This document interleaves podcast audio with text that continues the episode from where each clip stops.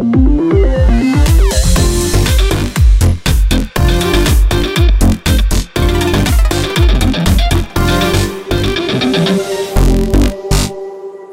til en helt ny litteraturpodkast fra Fredrikstad bibliotek. Eh, vi har tenkt til å starte på nytt, fordi at dette er en litt knotete start. Nei da, her går alt uh, nesten uklippet til. Så jeg vil bare introdusere meg selv. Uh, jeg heter Torbjørn, og jeg har med meg min fantastiske kollega Ingrid. Halla. Hei. Yes.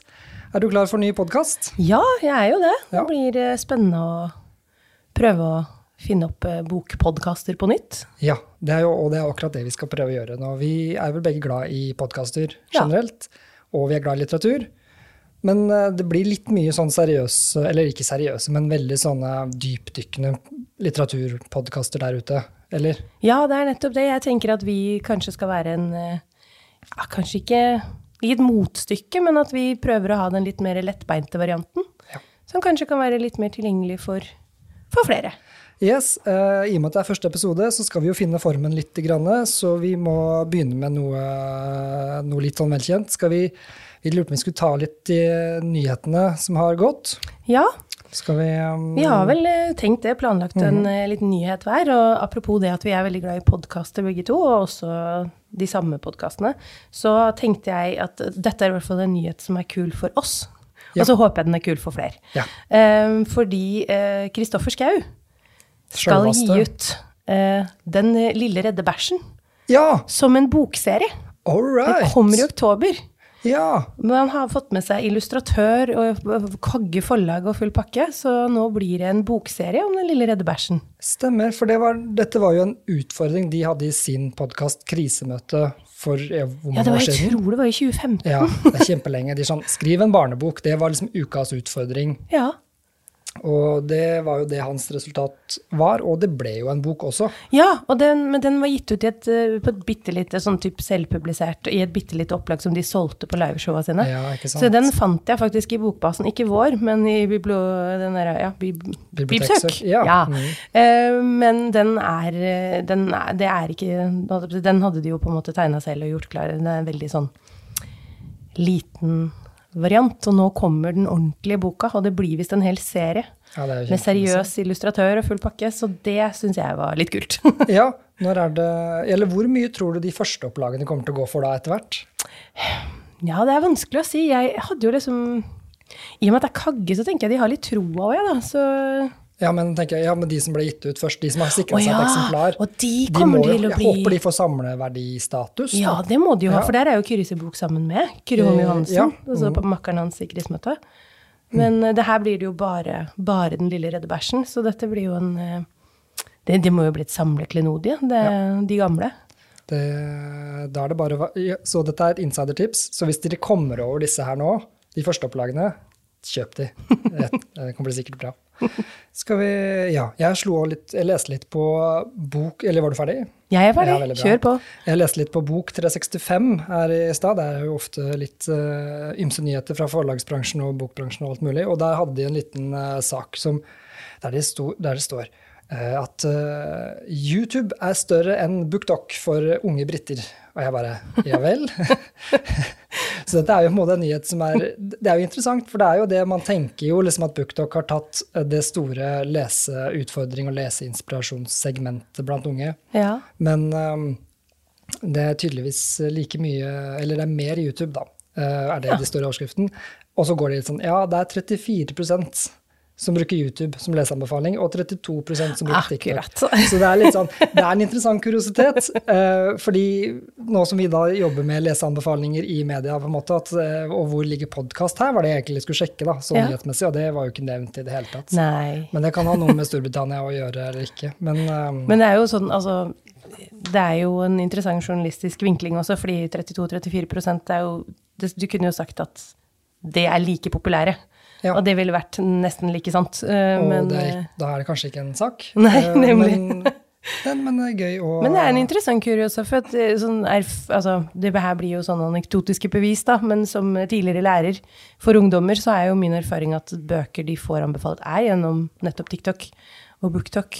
Eh, så at Ja, det er min inntrykk også. ja, så at YouTube faktisk er såpass stort, det er jo interessant. Og det her er Storbritannia, men det er jo helt sikkert overføringsverdi, vil jeg tro. Jeg vil tro det. Så jeg blir jo litt glad over at de litt lengre mediumene Altså en YouTube-video er jo generelt litt lengre enn en BookTok-snutt.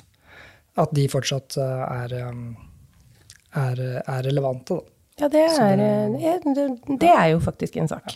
Selv om de, ja, play fast and loose med litt eh, statistikk der. Ja. Så eh, litt statistikknyheter må til av og til. Det var, eh, det var det jeg beit meg merke til da jeg slo opp her i stad. Mm.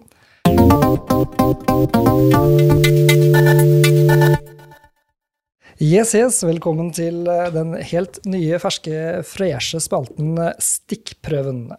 Og i denne spalten så skal vi rett og slett ta en bok som vi Ja, bok Det er jo litteratur, dette her. En bok vi har lyst til å sjekke litt ut, som vi kanskje ikke har eh, Som vi er interessert i, men som vi kanskje ikke har eh, sett så nøye på ennå, eller vurderer å lese. Ja, Og så hva Og så videre, holdt jeg på å si. og så videre. Ja. Det er jo min, eh, min spalte i dag. Det er Ja. jeg som har fått i oppdrag. Det var jeg som kuppa og... introen her. ja, men det, sånn er det. Flat struktur, var ikke det vi var enige om? da? Flat struktur. Ja. um, ja, det var jeg som fikk ansvar for å finne en bok å ta en stikkprøve av i dag. Uh, og jeg rusla rundt på biblioteket en stund i går. Eh, Og i den nye bøkerhylla så dukka det opp en bok som jeg ikke har lagt merke til. Um, vil du ha stikkprøva først, eller tittelen først? Oi, det er interessant, det har jeg ikke tenkt på. Men jeg vil ha stikkprøva først, ja. Du vil ha stikkprøva Ja. først. Eh, Det kan bli litt interessant. Eh, Stikk, eh, Sjølve utdraget syns jeg var artig i seg selv, spesielt når jeg kjenner til eh, bakgrunnshistorien, men det kan hende det kan være morsomt uansett. Ja, fyr løs. I fryseren har jeg to Grandiser, sier Peder, og dumper ned i godstolen. Men de kan vi kanskje drøye litt med. Hold an, sikter han til Grandiosa, fristerinnen jeg aldri fikk smake som barn?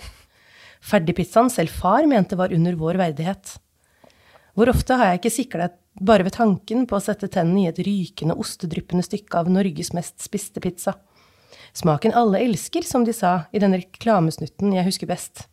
Den hvor en eplekjekk ung mann sjonglerer og trikser over grytene til eh, George Bakers Little Green Bag, hvor århundrets gryterett er i emning, helt til det ringer på døra, og vår mann mister et halvt kilo hot krydder i gryta. Heldigvis er fryseren proppfull av Grandiosa. Um, denne frossenpizzaen havner i komfyren, og som kokken elegant vipper igjen med hælen på vei til døren, hvor han omfavnes av en rådeilig dame som ved synet av Grandiosa-esken om mulig blir enda lystigere innstilt til aftens stevnemøte. Og etter at vi seere har blitt servert det karakteristiske hjerteformede pizzastykket med boblende varm ost, gis vi et glimt av ham og henne ved bordet med flakkende stearinlys og halvtomme vinglass der de mette og henslengte fniser til hverandre, slik at vi skal kunne gjette oss til hvor det nå bærer. Er det nå slik å forstå at jeg, Eirik av Norge, er tiltenkt min helt egen pizza Grandiosa? Du liker Grandis? spør han. Jeg får meg ikke til å svare, lener meg bare tilbake i sofaen og nikker. Hvis du er sulten allerede, kan jeg slenge noe på nå, så skal jeg det. Kan hende det fortsatt er et triks, en test av den listigste, listigste sort, men nå tar jeg sjansen. Er det å bringe meg i en godtroende tilstand som dette, for så å røske teppet bort fra under føttene mine, det han ønsker å oppnå, så får det heller bli slik. Herved overgir jeg meg, jeg lar alle skjold falle til marken. Ja takk, sier jeg. Wow. Ja, nå så jeg jo uh, boktittelen. Ja, den har jeg sett på Jeg har sett mye for, uh, forsiden, men jeg visste ikke hva den handla om. Hva, da må vi røpe til leserne hva, hvem, hva dette er for noe. Dette er Kronprinsens nye klær av Erik Meling Sele, som rett og slett handler om at uh, Stortinget klubber gjennom Republikken Norge. Og for å prøve å redde tronen, eller i hvert fall redde æra, så har kronprins Eirik da blitt sendt ut på en, eh, et oppdrag for å prøve å bli folkelig. For kronprins Eirik er en eh, en litt bortskjemt, pampete kladd som folk ikke er så glad i, så han skal nå da ut og være folkelig. Ja, er det litt sånn samme um, problemer de, de, de jobber med i den Atle Antonsen, han spiller konge? Ja, det tror jeg heter den serien igjen? Eh, Uh, Alt for Norge. Ja, at Ja. liksom, hvordan får vi deg til å bli folkelig Ja. uh, og likt blant alle, ja. Så du har en rolle i samfunnet når hele greia blir lagt ned. Ja. For det er en Dette er en Jeg hadde bare passert den, tenkte hm. Og så slo jeg tilfeldig opp på akkurat den siden, og den syns jeg var ganske fornøyelig. Så da tenkte jeg dette her Det lover godt for min del, i hvert fall. Jeg Ja. tror jeg har lyst til å lese den. Ja, jeg jo f- fikk jo veldig mye mer lyst til å lese den nå enn da jeg bare har sett på forsiden. Så en god stikkprøve. Thank you. Thank you, thank you. Denne neste spalten har vi valgt å kalle sjangerbløffen. Ja. Og det går vel rett og slett ut på at eh, vi på tur skal introdusere så tørt vi kan eh, en bok, og så skal den andre gjette hvilken sjanger det er. Og kanskje til og med hvilken bok. Ja, det er, eh, her er det muligheter for å skaffe seg ekstrapoeng hvis man eh, gjetter riktig bok. Men um, ja, så poenget mitt er jo at jeg skal jo prøve å bløffe deg. Altså Jeg skal jo prøve å, å fortelle om, helt oppriktig om en bok. Nei, det er ikke lov å Eh, lyve. Ikke lov å lyve, og det skal være riktig, og det skal helst være sentrale elementer i boka som skal presenteres. Men jeg vil jo, prøve, jeg vil jo at du ikke skal gjette det, for da har jeg jo klart å bløffe. Eh, og så skal du gjette sjangeren. Uh, så spørsmålet er jo om jeg kommer til å dobbeltbløffe. At jeg kommer til å la en roman høres ut som en roman. Eller kommer jeg til å la diktene få lov til å høres ut som noe helt annet? Altså som en ihuga quizer, så er konkurranseinstinktet høyt. Ja. Og så jeg skal gjøre det jeg kan for å klare det her, altså. Det er akkurat det. Og jo mer spesifikt uh, du klarer det på sjangeren, jo bedre creds får du også. Mm. Da kjører vi i gang. Skal vi se. Har jeg forberedt meg litt. Grann. Eh, I denne boka møter vi en person som synes verden ikke henger helt på greip, og hun ønsker å forstå hva som har skjedd med oss og det samfunnet vi lever i. Dette fører til en jakt gjennom mytologiske sagn etter en mystisk og eksentrisk milliardær som kanskje vet mer enn han ønsker skal komme ut. Hvem er denne visjonære og sjakkspillende mannen? Og hvordan har han og hans disipler fått slik makt og påvirkningskraft over hovedpersonen uten at hun fullt ut har vært klar over det? Yes. Hva slags type bok er dette? Å, fytti grisen. Dette her var ikke lett. Og jeg var helt sikker på at det skulle være lettere. Kom inn med liksom all mulig hybris. Uh, skal vi se um, Altså, du, du legger det jo fram som en roman. Ja, Eh, det skal jeg ikke, det skal jeg ikke benekte. Um, det første jeg tenkte, var Sofies verden. Eh, fordi at det var liksom noe med den der å ikke forstå historien og sammen. Men jeg kunne ikke huske at han spilte sjakk. Eh, det er vel det eneste som brøt litt for meg. Ehm, og så må jeg tenke, hvilken Kan det være noe sakprosa, da? Ja, kan det det? Jeg er så lite bevandra i sakprosa. Det er det som blir min uh, undergang. Din bane. Ehm, nei, jeg sier um, Ja, vil du ha uh, opp, Ja! vi, vi kan jo ta inn at uh, Man kan ha stille opp eller stille spørsmål, ja-nei-spørsmål, Ja. for å få liksom sentrert inn. Og jeg må jo svare helt oppriktig ja eller nei på det, Ja. så at jeg husker alt. Det, ja. um... Du får da ikke lov til å spørre om sjanger, Nei, nei. for det, Men, det hadde blitt lett. ja. Det er derfor jeg liksom jeg, jeg, Du kan jo Du kan få lov til å si ifra hvis du føler spørsmålet er for spesifikt, men jeg føler at det her kan treffe selv om det både er sak eller skjønn. Um, er den delvis biografisk? Ja. Ja. Men det hjalp meg jo egentlig ingenting. jeg var så opptatt av at jeg skulle være rund i formen på Du spørsmålet. hoppa på nei! Ja, egentlig. For da hadde jeg liksom fått Ja. noe fiksjon. Men altså, det er jo såpass mye som er, eh, hmm, som er eh, delvis eller helbiografisk uh, i Ja, det er akkurat det. Er også. et uh, vidt uh, Ja. begrep. Men da også utelukka jeg jo på en måte Sofies verden, da. Så da tar jeg bort den. Uh, trekker Jeg har ikke sagt den. um, og, eh, men det var to spørsmål, ikke sant? Jeg kan Ja, få et til. vi, vi, vi prøver oss med to i eh, denne første utgaven. Ja. Er boka norsk? Ja. Oi. Jeg tror vi er i spenningsromansjangeren, altså. ja. Du sier spenning. Ja. Ja. Da kan jeg avsløre at denne boka vant Brageprisen for beste sakprosa Nei, nei, nei! i nei, nei. 2021. Det er, eh, vi snakker da selvfølgelig om 'Ekko' av Lena Lindgren. Selvfølgelig. Og da, fordi at de som, ja, som da ikke kjenner boka, så er, handler dette om Det semibiografiske elementet er jo at Lindgren skriver om sin egen eh, reise og dypdykk ned i hvordan teknologien og algoritmene eh, styrer oss og gir oss det selvbildet vi har av oss sjøl. Eh, og hun lurer på hvorfor er vi på Facebook og scroller, og hvorfor er um, influensere helt like med hverandre og hele pakka. Så hun drar på en jakt for å prøve å finne ut av dette i Silicon Valley. Og der har du bl.a. Uh, den uh, litt mystiske Peter Thiel. Jeg vet ikke om du har hørt om han? Stemmer det. Han, Ja. Han, han grunna PayPal back in the days, og, uh, og overvåknings- og big data-innsamlingsselskapet um, Palantir, som han har rappa fra Ringenes herre. Disse der Ja. Seeing Stone, eller synssteinene. Stemmer det. Fordi de ser alt. Og han var en av de første investorene i Facebook. Så han er en sånn, men han vil ikke han vil jo liksom ikke være så mye ute i offentligheten. Og, eller, ja, det er vanskelig å få tak i ham. Han gjør ikke så mye intervjuer. Han har skrevet noen bøker. og litt sånt. Men, Han er ikke Elon Musk. nei, han Nei. er jo partneren til Ja, Elon Musk. nemlig. Men han Så- er den litt mer beskjedne varianten. Ja, Ja. riktig. Uh, så det, og han spiller sjakk. Så det var det jeg håpa, at det var sånne småting som skulle få deg til å uh, ja, throw you off. Ja, ja, på det klarte du, altså. Ja. Fy søren. For ikke å snakke om at nå er jo lista lagt himla høyt for meg neste gang, da. Men da kommer du til å gjøre en dobbeltbløff eller ikke? Det, Nei, jeg, ikke kommer, jeg kommer til å være nervøs så søren. Ja. Men ja, 'Ekko' av eh, Lena Lindgren. Eh, ta og Sjekk den ut. Det er en veldig veldig god sakprosa. Du, ja, du hadde jo fått poeng for sakprosa, men det er jo også mest spesifikt så er det jo en essaysamling, eller det er essays, da, selv om de har en lang tråd. Så kult. Da går vi videre, vi.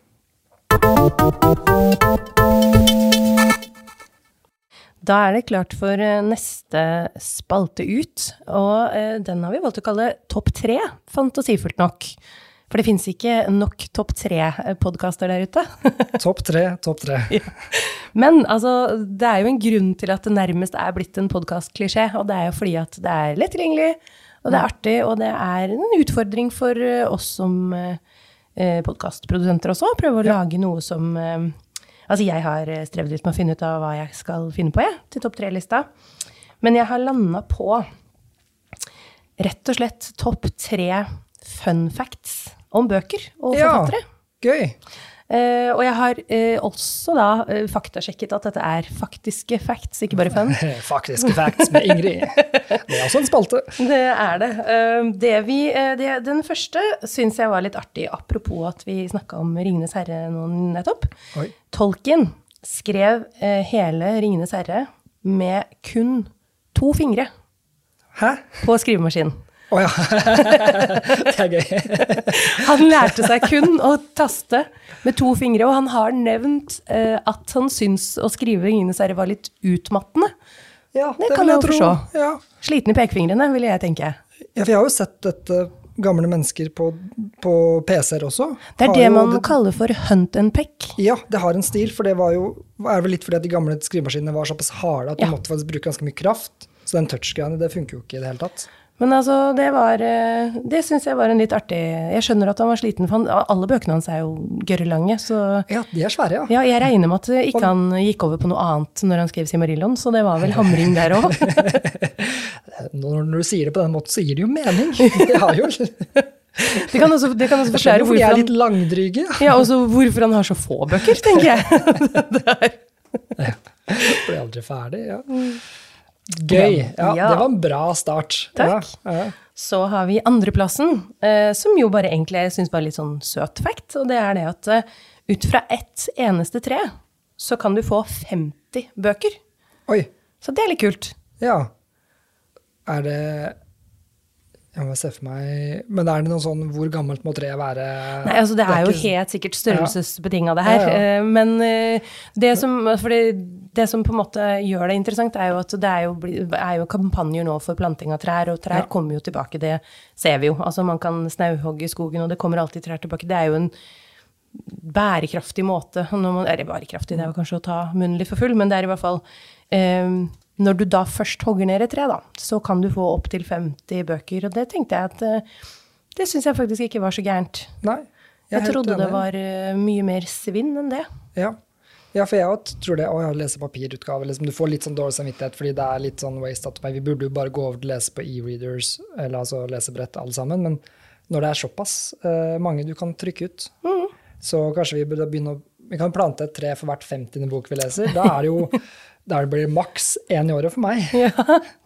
Og så tenker jeg det at eh, hvis vi skal begynne å sammenligne det, så det her er jo et tema jeg kan begrenset deg om. Men et lesebrett skal også produseres, og den, eh, Ja. det karbontrykket det gir eh, kontra å hogge ned etter tre, jeg veit ikke. Nei, Det er en eh, interessant debatt. Jeg tror du må bruke det ganske lenge for at det skal gå i null. Og Mm. så er det jo da serverplassen på å lagre boka som Så det Ikke har dårlig samvittighet for å lese papirbøker, dere. Nei. Nei. Det er det vi prøver å si. Ja. Ok, eh, topp én Number one. fun facts om bøker. Og denne syns jeg faktisk var litt grann guffen.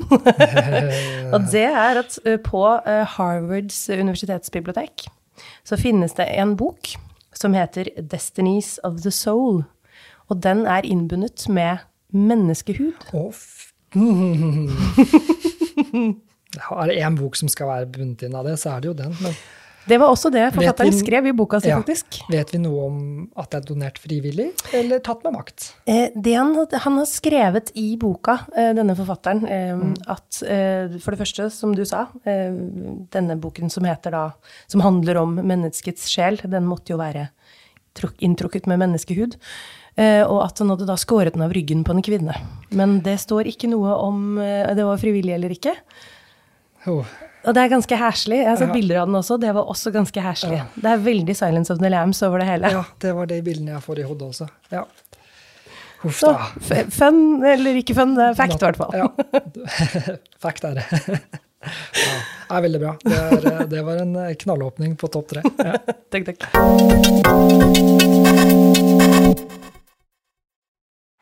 Ja, eh, spaltetoget det går videre, det. Nå er vi jo på neste, neste segment her, og det har vi valgt å kalle for uh, ukas kassering.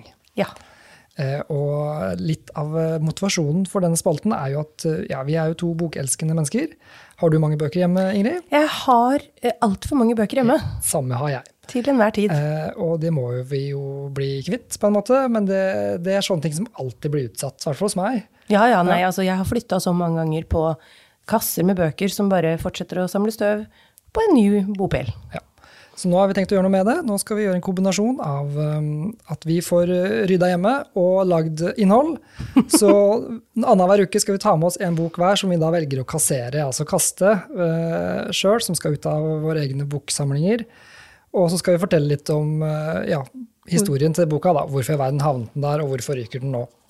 Så uh, da skal jeg ta med vise deg den jeg har uh, valgt å kaste denne gangen. Oi, se her, ja. Yes. Uh, og det gir kanskje ikke mening, for mange som kjenner meg, vil jo tro at dette er veldig rart, men boken heter altså Men altså. Det er John Cleese sin selvbiografi. Jeg tror den kom på norsk i 2014. Ja, se her, ja. Og det at den kom på norsk i 2014, er jo det som er motivasjonen til hvorfor den boka skal bort. Eh, for jeg fikk den i gave. En kjempemessig Det er veldig hyggelig, og de kjenner meg. Jeg elsker britisk humor og Hotellets særklasse og hele, hele pakketet. Men det går, jeg klarer ikke å lese en selvbiografi av John Cleese på norsk. Nei, det kan jeg forstå. Fordi jeg, har, jeg sitter og oversetter Ja. omvendt. At Ja, så sånn- stemmen hans er jo så markant Ja. for oss som har på en måte vokst opp med å se Monty Python og det er akkurat det. Towers og sånn. Så Så, så det jeg sitter her og bare, og det, det høres jo så uautentisk ut, så jeg bare sitter og, og så prøver det litt. Ja, jeg har prøvd mange, jeg har begynt mange ganger, og jeg bare Nei, dette Jeg kan ikke. Jeg kan ikke. Så nå, nå ryker den. nå ryker den, ja. Og det er ikke noe, ikke noe Det var en perfekt gave eh, sånn eh, innholdsmessig. Eh, og jeg kommer til å lese den på engelsk. Jeg klarer bare ikke å lese denne på norsk. Det er en helt legitim ja. grunn, tenker jeg, til å få den ut av hylla. Så. Ved- Vemodig. Sorry, please. Ja. Så Han har eh, større ting å tenke på, tror jeg, så jeg tror han overlever. jeg tror han overlever. Ja. Don't mention the war. Ikke si noe til han. Ja.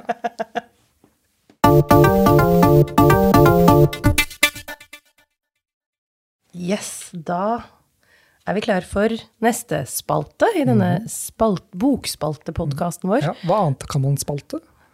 Nei, det var det, det var det, da. Vi så enige om at eh, atomer kan man jo spalte. Ja.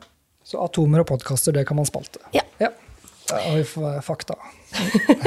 Det vi, eh, vi skal gi hverandre en leseutfordring, eller en bokutfordring. eh, som vi da selvfølgelig ikke skal lese på en uke, for det er vi enige om at det klarer vi ikke. Men vi skal i hvert fall følge opp og sjekke neste gang vi samles. Om du har klart øh, å gjennomføre. Og hvis du klarer å lese ferdig, Ja. og orker det, så får jeg poeng. Ja, ikke sant? Så, men min belønning blir jo da at eh, jeg har lest en god bok. Ja. Eh, Så eh, så- vi vinner begge to. Ja. Så i dag så har jeg gått for en bok som Jeg har ikke nødvendigvis valgt en bok som jeg selv eh, tenker at jeg eh, Nei, jeg skal komme tilbake til det. Ja, eh, og så, Jeg begynner jo å kjenne deg litt, men vi kjenner hverandre ikke så godt ennå. sånn at jeg tenker at liksom, no, noe etter hvert vil jo bli litt spennende når jeg skal gi deg utfordringer. Ja. Men eh, i, nå den siste par ukene så har jo jeg satt meg veldig inn i Gert Nygaardshaus eh, Gert Nygårdshaus eh, forfatterskap. Ja. Siden vi skal ha bok og kaffe om det i høst. Eh, og da er det en bok som jeg har lyst til å utfordre deg til å lese. Ja, ok. Fyr løs. Den heter Null pluss. Null pluss? Ja. Eh, og Den husker jeg ikke. Er det- Nei, den eh, er Ja, nå, det er en av de bøkene hans som jeg ikke har klart å fullføre. Oi! Jeg kom bare til ca. side 90, så jeg tenker målet mitt er at du skal komme lenger Ja, enn det er en stafettpinne. Yes. Det er rett og slett Jeg kan jo fortelle deg kort hva den handler om. Kan jeg begynne på side 90, eller må jeg ta den fra start? Nei, du må Ja, nok ta den fra start. Eh, Men det handler rett og slett om altså Hovedpersonen han eh, mener seg liksom ferdig med prosjektlivet. Han har liksom gjort det han kan og er liksom, eh, føler livet er fullendt. Han er jeg tror han er i 40-årene. Eh, og det han finner ut at han skal gjøre da, det er at han skal eh, liksom avslutte det prosjektet som man kaller livet, med å mure seg inn i en bunker på et torg. Jeg tror, han, jeg tror det er i Tyskland. En by i Tyskland. Og så skal han spise opp seg selv til det ikke er noe mer igjen. Hæ? Ja. Det er Ja. Akkurat nettopp det. Oh my god. Og det gikk eh, fint en stund. Og jeg er ganske egentlig sånn sterk mage for gufne scener, altså. Ja. Men så syns jeg at etter hvert så ble det litt heftig. Så tenker jeg at eh, det kan hende jeg hadde klart å lese den ferdig nå, men jeg har ikke tatt den opp en stund. Så nå tenker jeg nå skal du få prøve, og så kan du fortelle meg om det var mulig å komme seg gjennom. ja. Er det 90-siders merke? 90-siders merke. Ja, er det, oh, er det basecamp opp Mountain eller eh, Mount Det er der du treffer Ja. meg, der jeg Ja. vinker til deg. Så Yes. skal vi se om du klatrer Oh. forbi. Ja, spennende. Det, ja, jeg pleier jo ikke å lese um, ting som er veldig um, eh, At det høres ut som den er veldig eksplisitt, eller at det er veldig um, Hva skal man si? At det er veldig grafisk. Ja, altså, det, altså Men kanskje ikke? Jo da, eh, Ja. visse passasjer eh, er eh, Bør du ikke sitte og spise middag mens du leser, tenker jeg. Mens andre passasjer er litt sånn um, Altså, det er jo mye annet også. Altså, han er Ja. jo en forsker, og han er en uh, smart fyr, og det, du hører om livet hans og hvordan han havna der, som er interessant. Og så er vi liksom tilbake til neste rett, og da er en legg som ryker, og Neste Ja, for han gjør det jo med intervaller. Ja, han spiser ikke hele, nei da, det tar ukevis, dette her. Ja, selvfølgelig. Jeg, Ja, så, jeg så for meg at han bare liksom planla alt sammen, og, og sånt, og så skal bare Ok, nå setter vi i gang og begynner, og så bare ser vi hvor det slutter. Nei, nei. Uff, Ja, dette er en uh, um, Ja, dette er et maraton av en bok, eh, og den er ikke så lang. Vi har den oppe på magasin. Er den 95 sider? Nei. Ja, den er litt lengre enn det. Det er så lite stemmeverk. Da hadde jeg faktisk lest den ferdig, men den er eh, det, ja, Nei, jeg tenker at jeg, de utfordrer deg til ja, å prøve den. Lykke veldig til. bra, veldig bra. Den skal jeg ta med meg hjem etterpå, skal vi se hvor langt jeg kommer.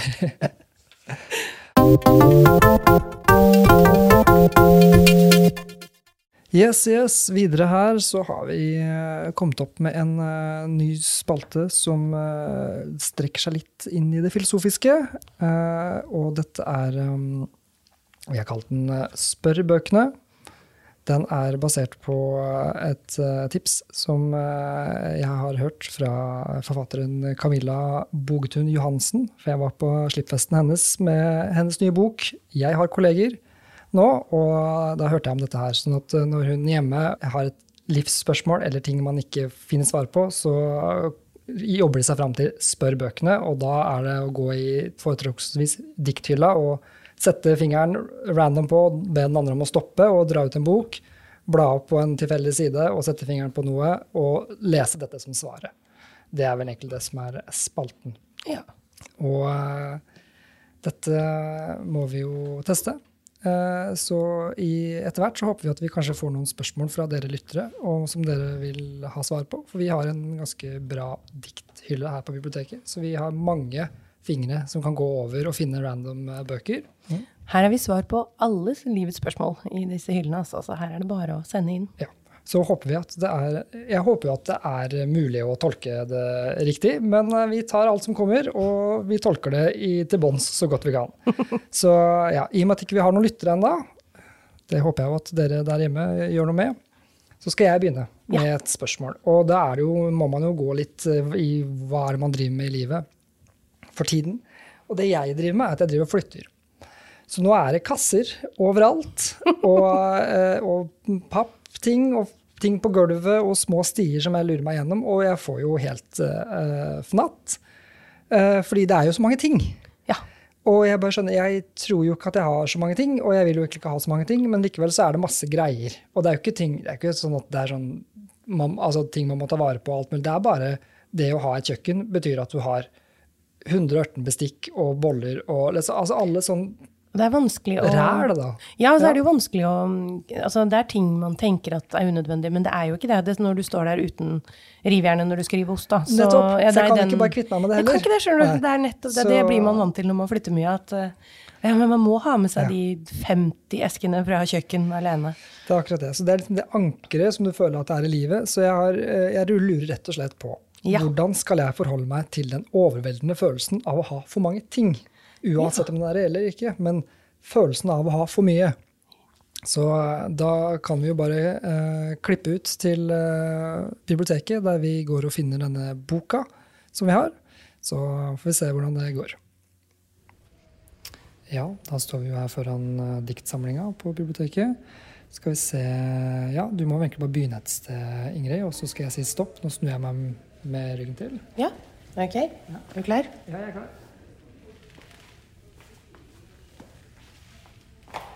Ja, stopp. Hvilken uh, bok ble det?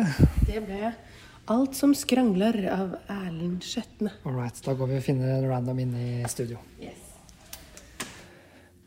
Ja, vi har, da har vi vært ute på hylla og funnet en bok, og vi stoppet på denne her. Hva har du funnet for noe? Jeg stoppa ved Alt som skrangler av Erlend Skjetne. Så nå skal vi finne en Når er boken fra? Den føltes veldig 2022. 2022, så dette er veldig fersk. Ja. Skal vi se. Alt som skrangler. Det er jo allerede her, er vi jo. For jeg har jo ting som skrangler i esker. Ja. Skal vi se. Så ja, da lukker jeg øynene, og så blar du i boka. Ja. Og så tenker jeg at vi sier stopp der, sånn Yes. radioteknisk. Ja. All right, du, da stopper vi på den passasjen der. ja. Ok, jeg tar spørsmålet igjen. Hvordan skal jeg forholde meg til den overveldende følelsen av å ha for mange ting? Dette er så gøy. For det er bare én setning eh, som eh, denne passasjen inneholder, og det er Denne dorullnissen du ikke har laga, hvor lenge må vi vente før vi kaster han? What? What? Hvor perfekt er ikke det? Oh my god, det funker. Det er nettopp det. Spørrebøkene funker. Ja, ja, hvor, lenge, hvor lenge må du vente før du kaster det, Torbjørn? Ja, nei, det vet jeg ikke. Det jo, ja, jeg har, ja. John Cleese-bøker jeg, jeg har fått i gave som jeg ikke har kjøpt selv. Hvor lenge må jeg vente før jeg kaster det? Altså, det som sier, altså, Så lenge du ikke på en måte føler at du har en personlig tilknytning til det, trenger du det. Ja, rett, ja. Rett og slett gjøre Ta litt oppgjør med, med tingene. Ja, kanskje jeg ikke trenger å ha så mange ting. Hmm. Men hvor å, ja, Nei, den er Jeg må faktisk eh, Den skal grunne litt, grunne litt på. Ja, ja. ja veldig bra. Takk til uh, Erlend Skjetne. Erlend Skjetne. Veldig bra. Takk skal du ha. Ja.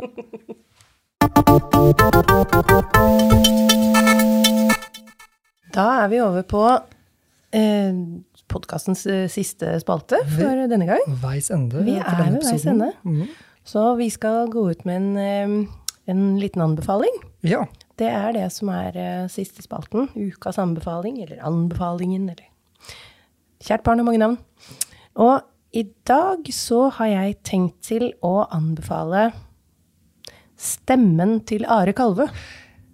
En god anbefaling. Takk. Ja.